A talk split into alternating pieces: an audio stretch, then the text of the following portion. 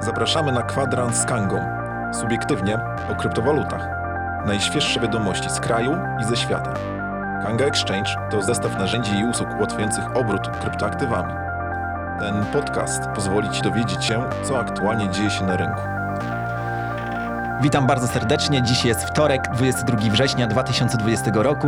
Imieniny obchodzą Daria i Maurycy. W Gdańsku ponownie ciepło, dojdzie nawet do 22 stopni, niebo niebieskie, chociaż lekko zachmurzone. Blok BTC 64, 94, 68, a to jest kwadrans z Kango numer 11. Przed Wami Marcin Sałata, to jest jego premiera, e, jeden z głównych udziałowców, założycieli, osoba odpowiedzialna za obrót gotówkowy właśnie w Kandze. Witaj Marcin. No cześć, cześć Sławku. E, Marcin, co takiego wydarzyło się wczoraj, jeżeli chodzi o polską prasę? Jakie zjawisko opisała wyborcza? E, bardzo skomplikowane. E, mirror trading, e, czyli e, kwestia sprzedaży, e, sprzedaży, sprzedaży za ruble. Tak. Za ruble. Tak, i zaraz będziemy właśnie o tym mówić, bo to ok- okazuje się, że Gazeta Wyborcza razem z innymi dziennikarzami z całego świata ujawniła e, e, dużo ciekawych e, obrotów, które nie powinny mieć miejsca. Z jakich krajów te obroty pochodziły, czy przelewy? E, Przeważnie z e, oligarchów rosyjskich i ukraińskich. No właśnie. E, e, I pomimo tego, że e, na przykład amerykańskie banki czy inne organizacje informowały o tym, że sytuacja jest bardzo poważna i że mniej więcej od roku 2011 e, tak naprawdę między innymi przez polskie banki przychodzi dużo nielegalnych pieniędzy, nic takiego się nie działo, nie były podejmowane żadne interwencje. E, no i takim głównym właśnie sposobem przekazywania tych pieniędzy, e, czy prania tych pieniędzy, e, e, przekazywania ich z Rosji czy z Ukrainy do Europy, był tak zwany mirror trading. Czy możesz mi wyjaśnić, na czym polega mirror trading? E, No, naprawdę e, operacja bardzo skomplikowana. Mam to rozrysowane na, na tablicy. Mamy bank, mamy bank, który e, mamy bank, w, ten sam bank. Jedna, mm, mamy i dwie spółki, które są powiązane ze sobą. Jedna spółka w tym samym banku zleca e, zakup za ruble e, akcji jakiejś tam e, na giełdzie i w tej samej, e, w- kilka sekund później e, test dla, dla spółki drugiej, bliźniaczej, mamy sprzedaż e, już w Londynie za funty lub dolary, czyli no za e, waluty No właśnie. Właśnie, to, to zjawisko, które opisujesz, polega na tym, że są dwie niezależne spółki. Jedna rosyjska, druga brytyjska na przykład, e, chociaż tam było e, w tym procesie zaangażowanych wiele różnych spółek. W każdym razie chodzi o to, że rosyjska spółka e, w jednej sekundzie za ruble kupuje, tak jak powiedziałeś, papiery wartościowe.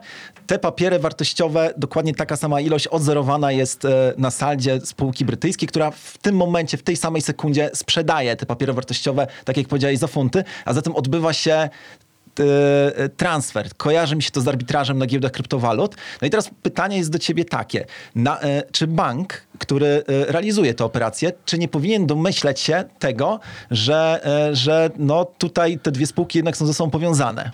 E, powinien to zweryfikować ogólnie.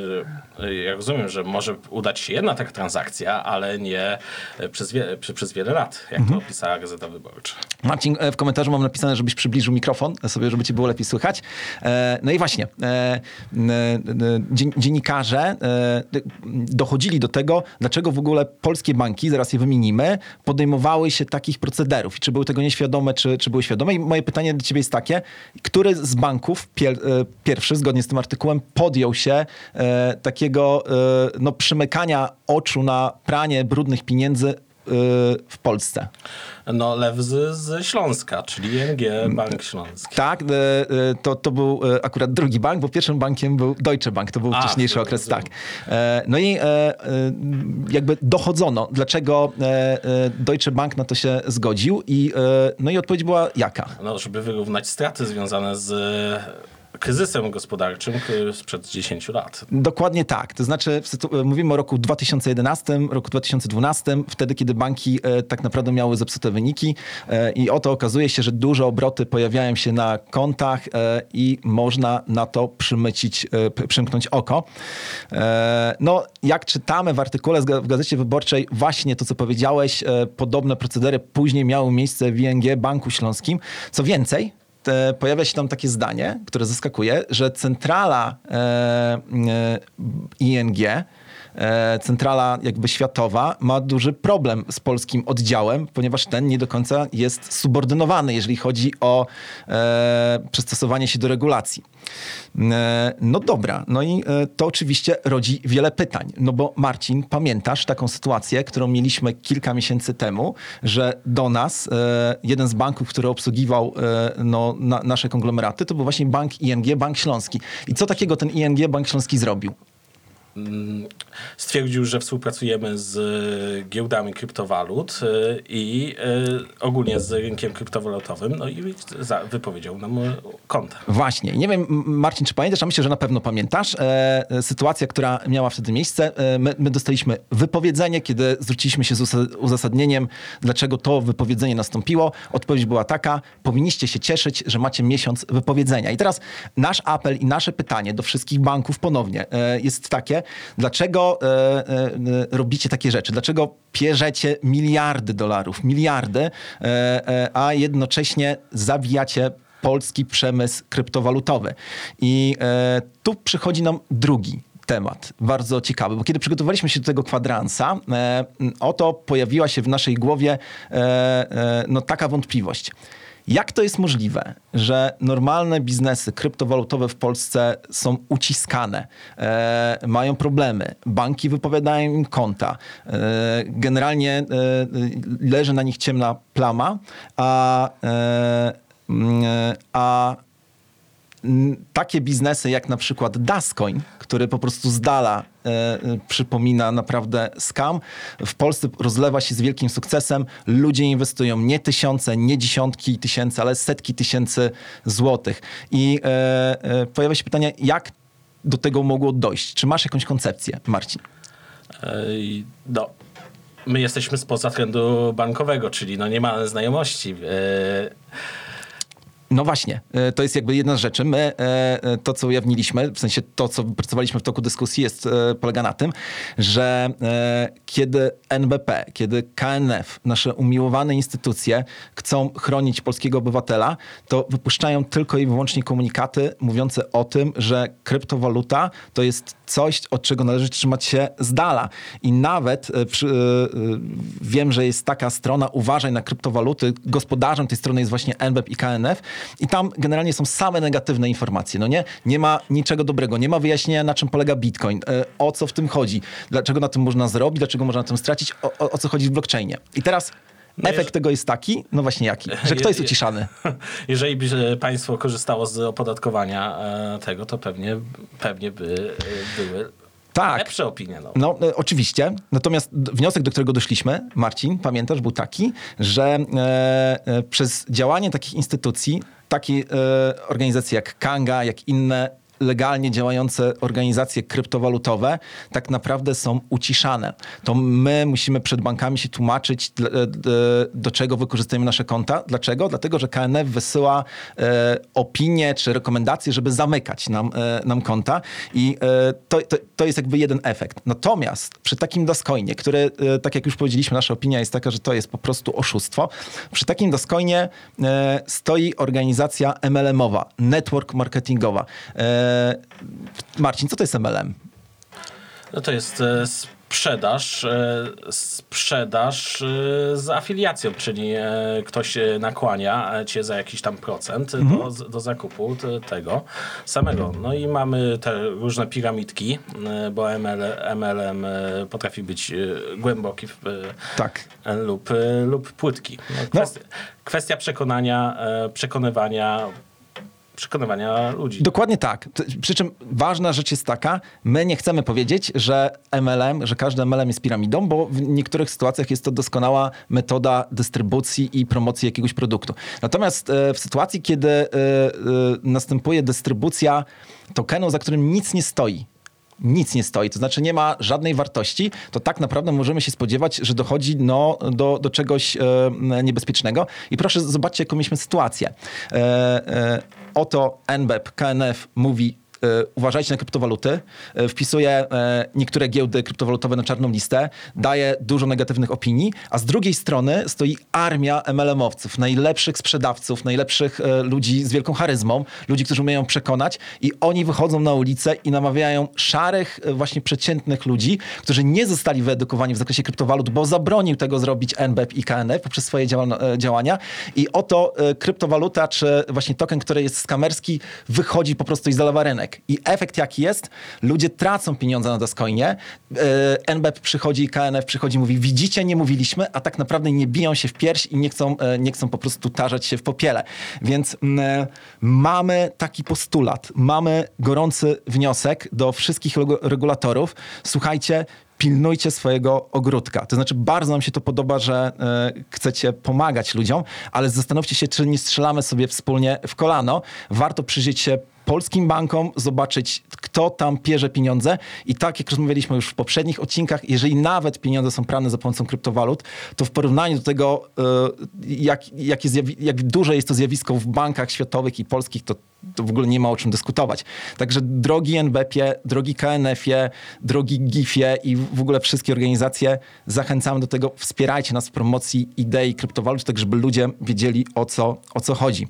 E, no i właśnie, a propos, powiedzmy co- coś dobrego na temat kryptowalut. Marcin, gdybym zadał ci pytanie, które, e, e, e, w których państwach kryptowaluta ma największą adaptację, to które państwa byś wymienił? Rosja, Tak jest? Indie, Bardzo blisko? e, na pewno Wenezuela. Tak, ze na względu pewno- na problemy e, Tak jest. hiperinflacji. Ta, ja- jako taką trójkę e, e, państw, gdzie adaptacja kryptowalut jest najbardziej, e, e, jakby największa, tu wymienia się właśnie Stany Zjednoczone, Rosję i Wenezuelę. Co ciekawe, w każdym z tych państw ta adaptacja jest tak duża z zupełnie innych powodów. Rosja, dlatego że to jest wielkie państwo, Stany Zjednoczone, nie musimy tego tłumaczyć. No i Wenezuela, co takiego się wydarzyło w Wenezueli w ciągu kilku ostatnich lat? No mamy tam e, hiperinflację od, od wielu już lat. E, Praktycznie gospodarka nie funkcjonuje. E, Ludzie kupując czekoladę muszą wozić pieniądze ta- taczkami, więc... Tak jest. Więc nie ma, nie ma w ogóle płynności. Dolar, tamtejsza lokalna Waluta. wa- waluta traci do dolara w ciągu dnia wiele procent. Tak jest. To przypomina sytuację z Zimbabwe, czy właśnie z Niemiec. E, e, no, wielka hiperinflacja.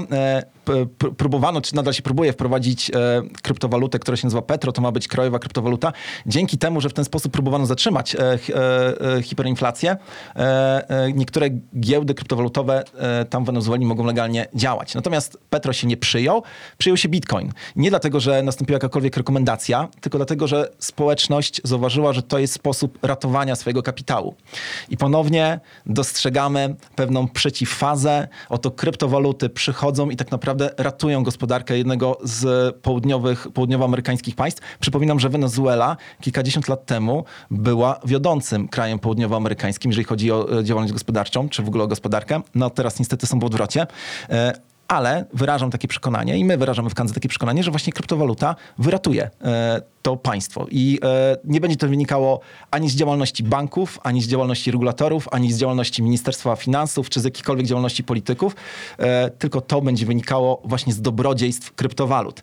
A skoro mówimy jeszcze o kryptowalutach, Marcin, przypomnij, jaka sieć kantorów i jaka sieć bankomatów w Polsce oferuje kryptowaluty za gotówkę po najlepszym kursie. No oczywiście Kanga Exchange. Kanga Exchange, do, do, dokładnie. Słuchajcie, e, to co chcemy tutaj zaświadczyć, co chcemy obiecać, jeżeli dokonujecie transakcji przez bankomat, sprzedaży albo zakupu e, kryptowaluty, to obiecujemy wam, że będziemy mieli najlepszy z dostępnych kursów, e, jakie możecie mieć, jeżeli chodzi o wymianę gotówkę na krypto albo krypto na gotówkę. Marcin, powiedz tylko w dwóch zdaniach, jeżeli ktoś chce zrobić taką operację, to gdzie musi wejść i co zostawić, na jaką stronę? E, no, da, Kanga, e, kantor e, kanga.pl.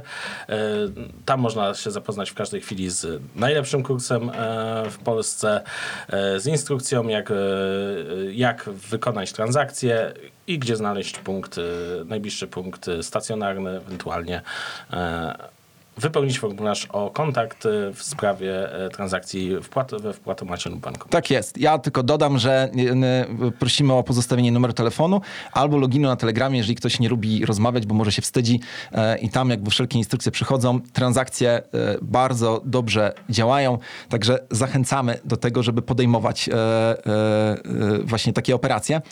E, No i to by był już koniec. Słuchajcie, drodzy oglądacze, dajcie znać, co myślicie na temat tego odcinku. Dajcie znać, czy w Polsce jest nadzieja na to, że polski biznes kryptowalutowy i blockchainowy po raz kolejny, jak inne biznesy, nie zostanie uduszony, czy być może uda nam się zabłysnąć e, przed światem. Prosimy o komentarze, będziemy na nie odpowiadać. Dziękuję, że byliście dzisiaj razem z nami. Marcin, dziękuję Tobie za Twoją obecność.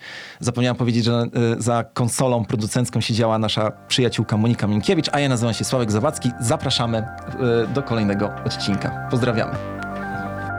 Dziękujemy za wysłuchanie tej audycji. Za tydzień kolejne gorące tematy. Zostaw nam recenzję w swojej aplikacji z podcastami. Włącz subskrypcję Kwadransa z Kangą, aby nie przegapić nowego odcinka. Do usłyszenia.